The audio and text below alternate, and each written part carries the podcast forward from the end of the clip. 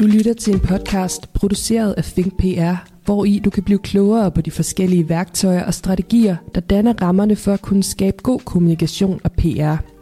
Uanset om du er en erfaren PR-professionel eller blot er nysgerrig på, hvad der former nutidens PR- og kommunikationslandskab, inviterer vi dig med, når vi udforsker cases fra den virkelige verden, taler med eksperter og giver konkrete råd, der hjælper dig til at navigere i PR- og kommunikationsbranchen. Jeg er din vært, Emilie Søndergaard Christiansen. Velkommen til Think About It.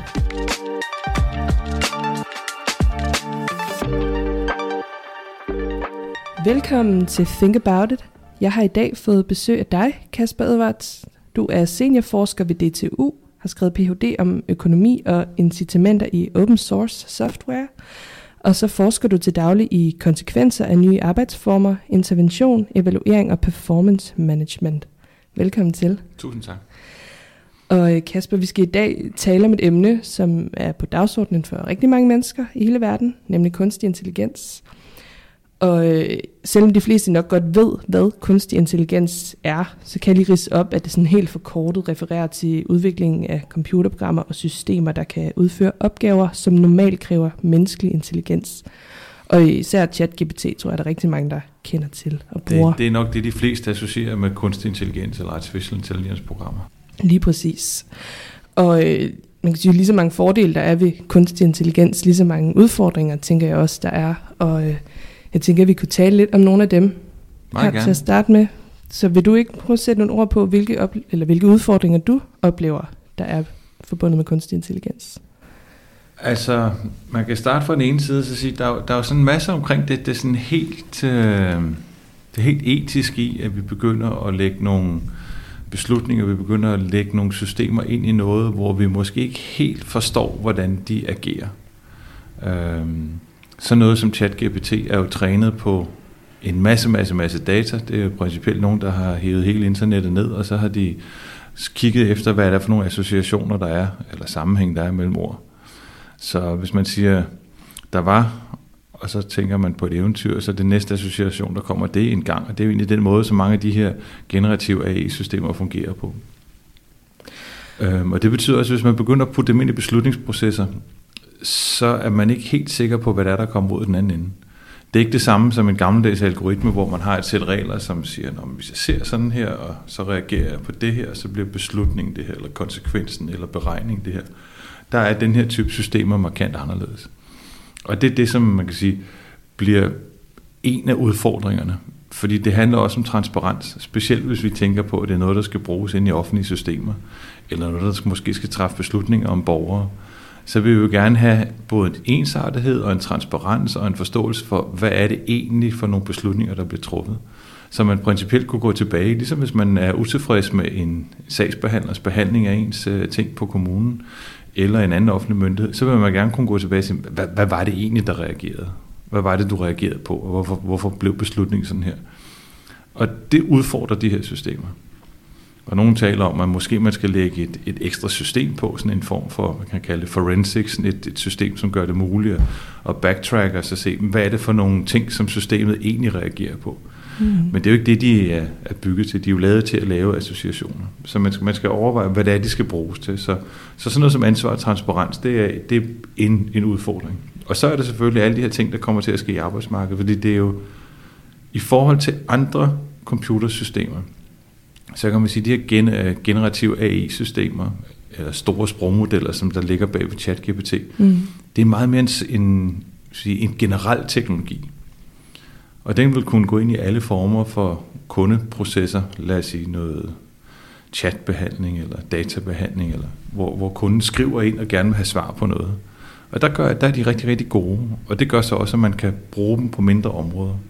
Så derfor så har jeg en fornemmelse af, at øh, det vil give nogle ændringer i arbejdsmarkedet, og vi har allerede set nu, at, at øh, det begynder at snige sig ind i, i sådan, som i chatbot-systemer, men det begynder også at komme ind i steder, hvor det er sådan med det kreative arbejde. Ja. Hvis man er kunstner og grafiker, så hvis man nu skulle have genereret noget, eller man, man var filmproducent, der skulle have et, et grafisk oplæg, så ville man måske starte i gamle dage med at skrive ud til nogen, som var eksperter, betale dem dyrt for at komme med nogle lækre grafiske oplæg. Men, men nu er det jo fristende at lige sætte sig og så bruge nogle command prompts, og så skrive til en af de her grafiske maskiner, og så sige, kom med et billede på Harry Potter i en øh, vikingudstyr. Mm. Og vips, så kommer der 5-6 forskellige udgaver, som er super gode og motiverende og spændende. Det er i hvert fald første skridt på en kreativ proces. Og det vil sige, at det vil give nogle ændringer, øh, og det vil give nogle ændringer på mange niveauer i arbejdsmarkedet.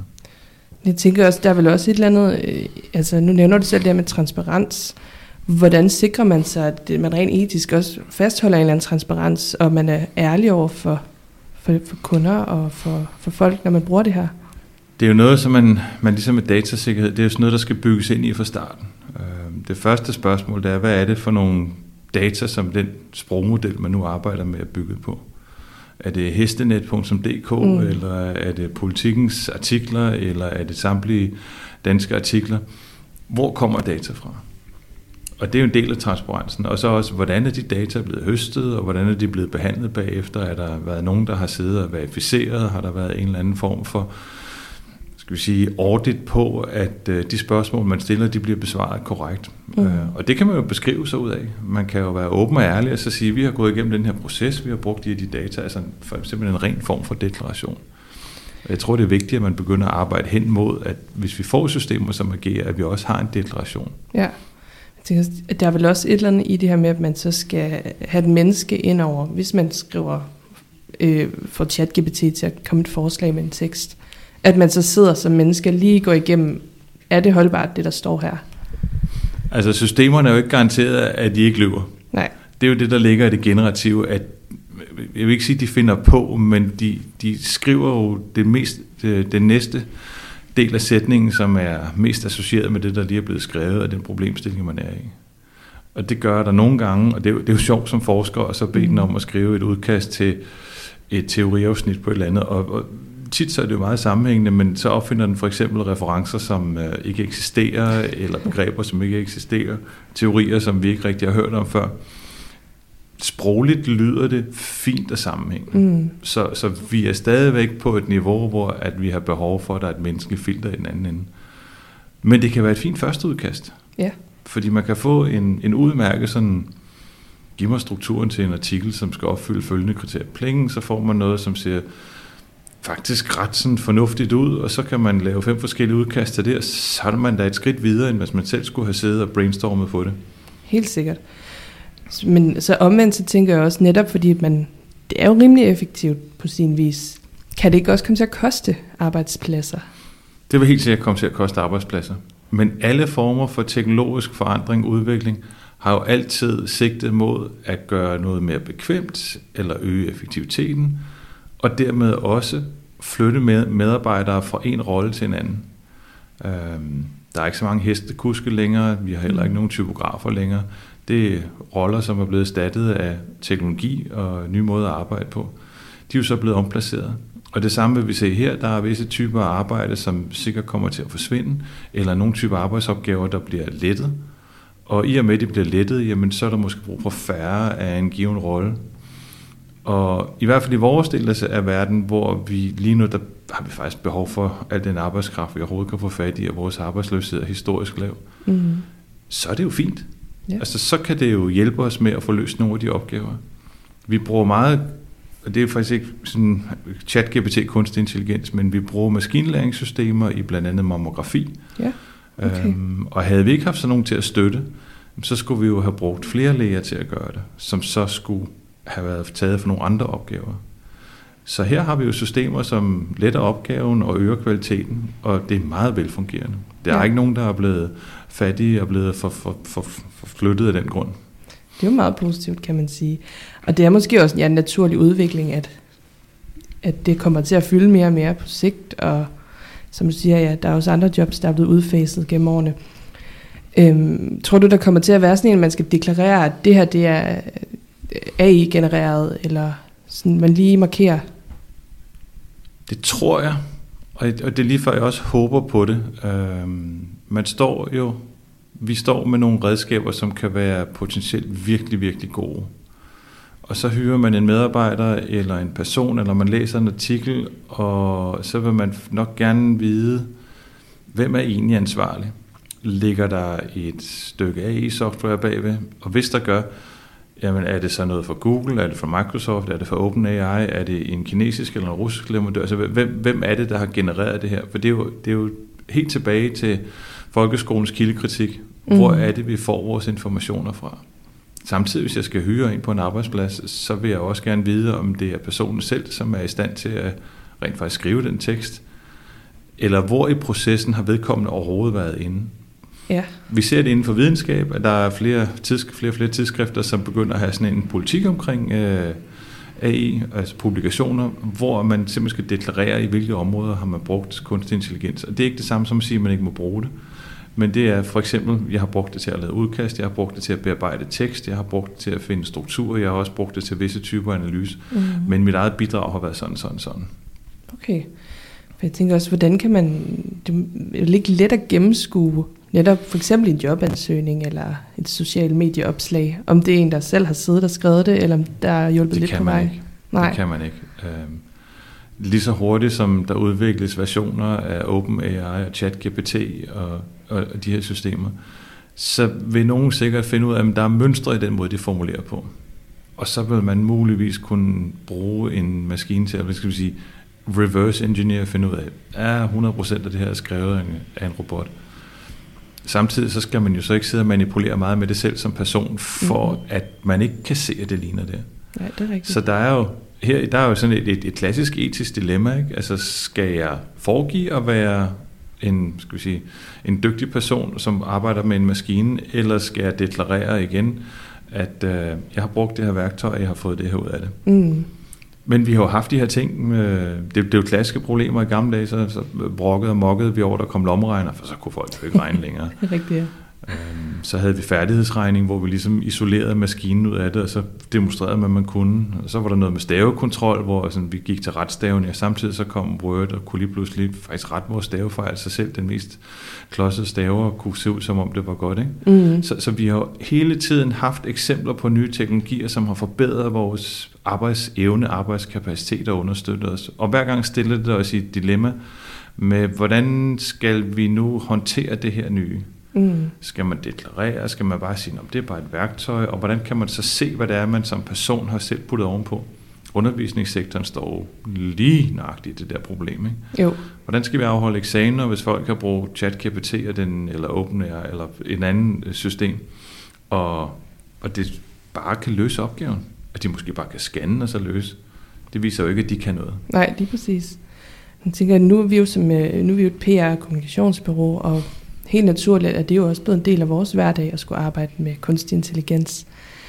Øhm, hvordan kan man gøre det på en måde, der så netop er gennemsigtig, og er det det her med at få et menneske ind over alting? Det, det gør vi jo for eksempel, at sørge for at gennemlæse alt, der bliver...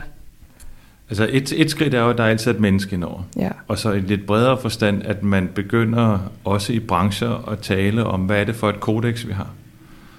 Øhm, for eksempel på DTU, der har vi jo et, sådan et, et, et honor codex for, hvordan det er, man arbejder, og her der står også, at man skal gøre tingene selv, og hvis man mm. bruger noget for nogle andre, skal man deklarere og referere. Og det samme, hvis man har brugt et uh, kunstig intelligens, så skal man også deklarere, at det er jo faktisk en kilde, man har brugt. Og jeg tror, vi har behov for i de forskellige brancher at tale lidt åbent og ærligt om, hvad, hvad er konsekvenserne af at bruge det her? I værste fald, så kan det jo betyde, at man i kommunikationsbranchen underminerer sig selv. Ja. Fordi man konkurrent, eller kunderne finder ud af, jamen, er det noget, jeg kan selv? Eller, eller er det bare fordi, jeg har siddet og puttet nogle prompts ind, og så har I fået nogle gode idéer og gode svar, og så har jeg kørt dem videre. Altså, hvor ligger den intellektuelle, kreative merværdi, som jeg har tilføjet? Og der tror jeg, at man i, i branchen skal begynde at have nogle etiske retningslinjer. Så, ligesom, hvor er det, vi kan bruge det hen, og hvor er det fornuftigt at bruge? Hvordan skal vi deklarere, og hvordan kan vi differentiere, og hvad er rimeligt? Mm. Og jeg tænker, øh, nu er den jo netop kode, for, nu igen ChatGPT for eksempel, som noget jeg øh, ved, der bliver brugt meget i kommunikationsbranchen.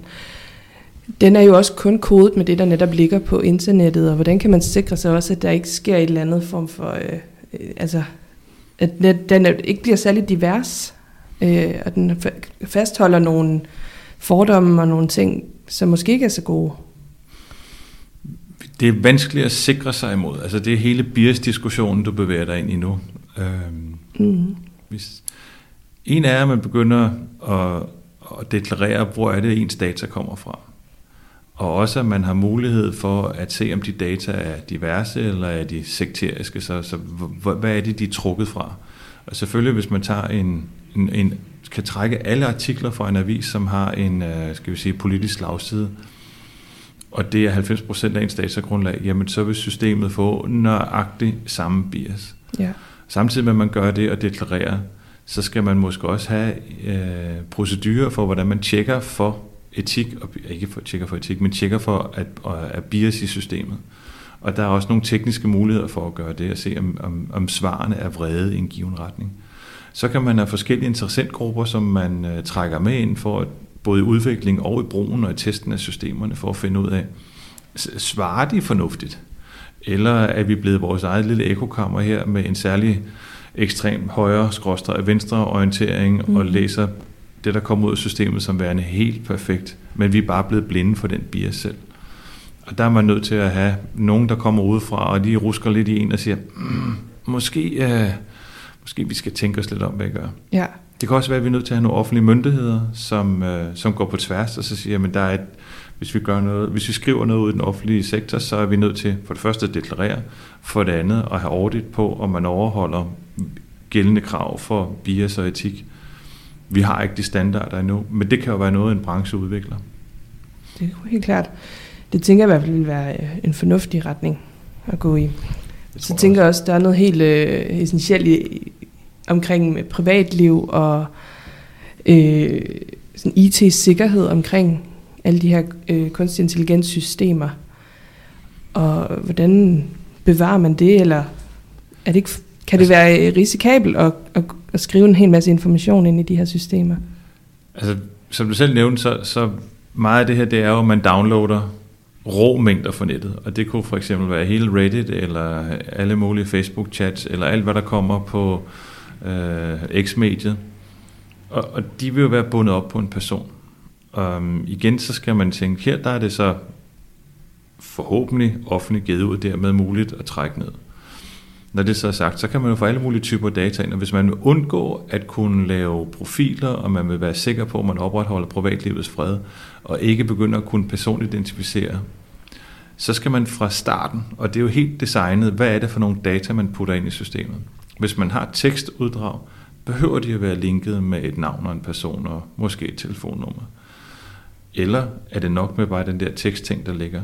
Og vi er jo helt inde i sådan et GDPR-diskussionen. Hvornår er det, man laver noget, som gør, at man kan gøre de ting, man har personhenførbare? Og det kan godt være, at vi har rigtig mange forskellige stykker data, og de egentlig ikke er hæftet sammen, men på grund af, at vi har et kunstig intelligent system, så kan den begynde at sige, at der er det her, og der er det her, og du har set det her, og vi har også noget geografi. Og så kan man begynde at pinpointe individer, og det ønsker vi jo ikke. Mm-hmm. I hvert fald ikke i Europa, der har vi sådan rimelig kraftige interesser i at beskytte privatlivets fred. Men det er simpelthen et design-ting, som man skal tænke ind fra starten, ja. at man overvejer, hvordan man gør. Og når man så arbejder med det, så er man igen nødt til at trække nogle tredjepart folk ind for at sige, gør vi det nu ordentligt? Altså så er mm. vi tilbage til hele den her audit, er der overholder vi reglerne, gør vi det på den rigtige måde? For man bliver jo fanget i sin egen begejstring om systemerne. Helt sikkert, ja. Og så øh, tænker jeg også, at nu kender jeg ikke til alle de øh, forskellige former for systemer, der findes. Jeg tænker, der er mange efterhånden, øhm, og nogle af dem er også dyre måske at implementere i sin virksomhed. Hvordan eller kan man overhovedet sikre sig, at for eksempel en stor virksomhed har måske større midler til at kunne implementere alle de her ting, frem for en lille virksomhed, at der ikke opstår et eller andet ulighed omkring det er, jo, det er jo et spændende spørgsmål, fordi i et kapitalistisk samfund, så er vi jo interesseret i, at den, øh, den store virksomhed har råd til at købe de bedste ressourcer til at blive endnu bedre. Og den lille virksomhed er nødt til at finde de ressourcer, som passer. Så i det ene ekstrem, der kan man sige, skal, skal den lokale smed have adgang til de samme produktionsressourcer som den helt store virksomhed. Når det så er sagt, så kan man sige, at her er der måske tale om en ny øh, banebrydende teknologi. Så der er mange niveauer, man kan arbejde på for at brede teknologien ud. Fra offentlig side og fra uddannelsesvæsenets side, så kan vi jo begynde at stille kurser til rådighed. Vi kan måske gøre de kurser gratis. Vi kan have open source løsninger. ChatGPT er jo bygget på, oprindeligt mener at det var en open source model, Så der, og der findes også open source modeller, man kan trække ned. Spørgsmålet er, om man har kompetencen til at træne dem, og data til at træne dem. Og også den energi, der skal... Altså, det koster tid og penge mm. og strøm at gøre det. Men der er jo også udbydere. Øh, ChatGPT vil jo har jo et, et interface, der tillader folk at, at bruge det, og også at få det interface til deres system. Det vil sige, at man kan købe tid i de her systemer. Ja. Og dermed så sænker man jo omkostningerne. Man behøver ikke at drive det selv, men man kan købe adgang til systemerne, og så måske bygge sine egne sløjfer på. Og det er jo en måde at gøre det tilgængeligt, eller på markedsmæssige vilkår gøre det tilgængeligt. Ja. Men for vores samfundsside, der skal vi tænke, at vi er nok nødt til at oprette, eller opruste i vores viden og evne inden for det her område. Og det kan vi gøre gennem uddannelse, det kan vi gøre ved for eksempel tilskudsordninger til, når vi har et eller andet søgesystem, vi vil gerne opgradere til noget andet, eller, mm. og den, den vej igennem sørge for et teknologisk løft i virksomheder. Og nu er det jo et, øh, det, det foregår jo online alt det her virtuelt. Der er vel også nogle risikoer for, at det kan blive hacket, eller kan gå ned, og hvis man lige pludselig bliver rimelig afhængig af de her kunstig intelligensprocesser, så er man pænt sagt fucked. Ja, vores øh, samfund er gennemsyret af systemer, som vi er afhængige af. Øhm, Danmark vil være i skidt tilstand, hvis ikke vores internet fungerede, og vi ikke kunne foretage vores betalinger. Stort set alle vores betalinger kører mm. elektronisk. Så vi har samme problem her. Hvis en del af de systemer, vi har i virksomheden, bliver baseret på AI, og de, det vi kalder mission critical, jamen når strømmen går, så er vi rigtig, rigtig svært ved at producere noget. Når det så er sagt, så er der jo helt almindelige øh, procedurer og, og almindelig sådan datasikkerhed, man kan lægge til grund for det her. Man har et IT-system, det skal sikres mod ulovlig indtrængen. Vi skal sikre, at de data, der er i, de kan manipuleres, at der ikke er en konkurrent eller en fremmed magt, som kan, skal vi sige, give os et forurenet datasæt, som, som har en kæmpe bias. Så der ligger noget øh, adgangssikkerhed, at det ikke er de forkerte, der kommer ind. At igen også udefra, at man ikke bare sådan lige kan hacke og gå ind og lave ballade. Mm. Men også af dem, som er inde i systemet. Øh, vi har også vores eget politisystem, der vil vi jo helst ikke have folk gå ind og rager. Og indtil for, jeg kan huske, hvornår det var, men der var nogle sager, hvor nogle politi, politimænd havde været inde og kigge og slå, slå nogle politikers gamle sager op. Det var mm. frygteligt pinligt. Ja. Og først derefter satte man sådan decideret logging og adgangsbegrænsninger på. Okay. Fordi det var jo sådan en lille smule pinligt. Ja, det var ikke så godt. Øh, og det samme er vi nødt til at have her. Hvis systemerne indeholder følsomme oplysninger, og det er farligt at bruge dem, jamen, så er man nødt til at have lås og slå på. Og det er en disciplin i sig selv. Det er ikke separat til kunstig intelligens systemer. Mm. Nej, det gælder vel generelt. Øhm, hvis du skulle give et godt råd eller noget med videre til, til folk, der egentlig gerne vil implementere øh, kunstig intelligens i deres arbejde, hvad kunne det så være? Altså start i det små, fordi meget af det her handler om, at man både som person og som, som organisation skal lære, hvad er det, den her nye teknologi kan, hvad er det for en værdi, den kan give, og hvor er det, den kan bruges. Så find nogle områder, hvor der er et forhåbentlig højt udbytte. Skulle man nu have en øh, kundesupport service, hvor der er en masse chat eller e-mails, der kommer ind, og de faktisk ligner hinanden rigtig, rigtig meget af de her ting, så vil det jo være et oplagt sted at starte. Øhm, så vil man kunne købe sig adgang til nogle større sprogmodeller eller chat-GPT, og så lægge hvad skal vi sige, virksomhedens egen lille ramme rundt om. Mm. Men den store sprogmodel gør jo, at der er sådan en, en helt fornuftig, naturlig måde at håndtere sprog på, så den kan jo svare fornuftigt. Og så bagefter, så kan man specialisere det eller træne det på virksomhedens specifikke data. Det behøver ikke at være dyrt og omkostningsfuldt i den forstand, at du skal jo ikke lave dit eget system. Man køber sig til til man skal sige, færdig, næsten færdige varer, som man lige skal lægge en sløjfe rundt om. Mm. Og det er nok der, man bør starte, øh, inden man begynder at sige, åh, oh, vi skal da have vores helt helt eget. Ja, det tænker jeg er meget godt at, at give videre til folk. Vi er nået til vejs ende. Tusind tak til dig, Kasper Edwards, fordi du har lyst til at være med i Think About It. Velbekomme, det var fornøjelse.